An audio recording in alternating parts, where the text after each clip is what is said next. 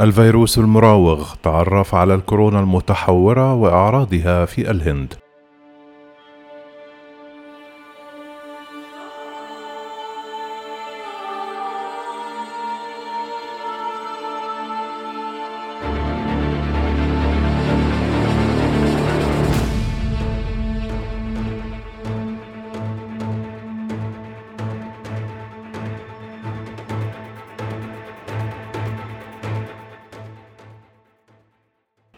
حالة من الفزع تسيطر على الهند بعد تفشي تحور جديد من فيروس كورونا يطلق عليه السلالة الهندية، ما استدعى لجوء عدد كبير من البلدان إلى تعليق حركة الطيران مع الهند في محاولة لتحجيم انتقال الفيروس إلى باقي دول العالم.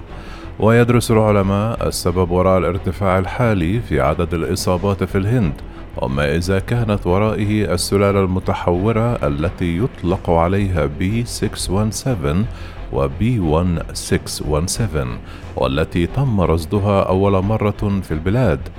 ولم تعلن منظمة الصحة العالمية أن السلالة الهندية مثيرة للقلق كما فعلت إزاء سلالات متحورة أخرى تم رصدها أول مرة في بريطانيا والبرازيل وجنوب إفريقيا لكن المنظمة قالت في السابع والعشرون من إبريل إنها تتبع تسلسل جينوم سلالة B617.1 ويشير إلى معدل نمو أعلى من السلالات الأخرى في الهند.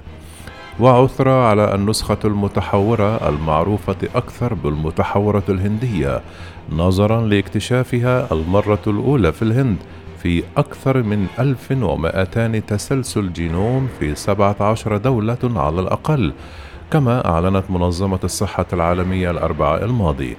وأوضحت المنظمة في تقريرها الأسبوعي عن الوباء أن معظم العينات تأتي من الهند والمملكة المتحدة والولايات المتحدة وسنغافورة.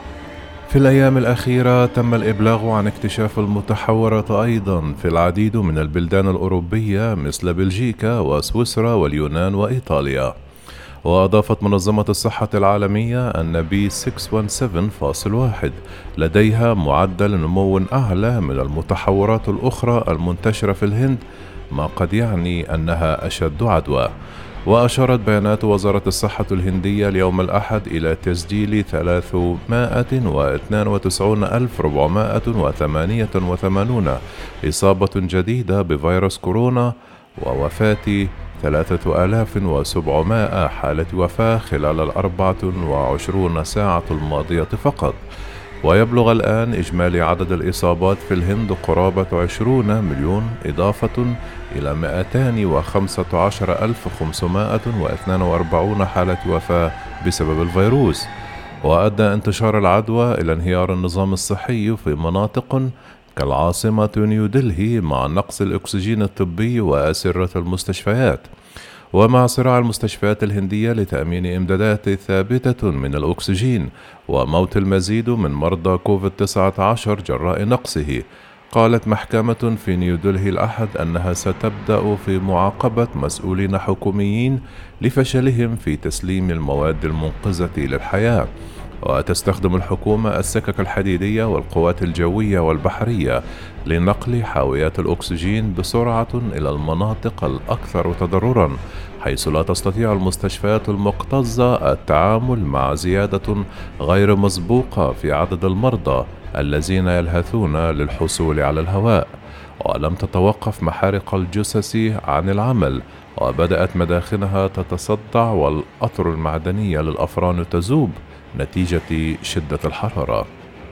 أهم المعلومات والأعراض وما تم رصده عن أهم المعلومات عن السلالة الهندية المتحورة طبقا لما ورد في موقع Times of India حتى الآن. أولاً ظهرت لأول مرة في شهر أكتوبر الماضي وتحديدا في ولاية مهاراشترا غرب الهند وكانت ظهرت في نحو 220 عينة في بادئ الأمر تجري العديد من الدراسات لفحص خصائص السلالة الهندية المتحورة والتي تبين أنها تتطابق إلى حد كبير مع سلالة جنوب إفريقيا والسلالة البرازيلية تكمن خطورة السلالة الهندية في أنها تمثل تحورا جديدا للفيروس وبالتالي يصعب على الجهاز المناعي التعرف عليها وإنتاج أجسام مضادة لمقاومتها.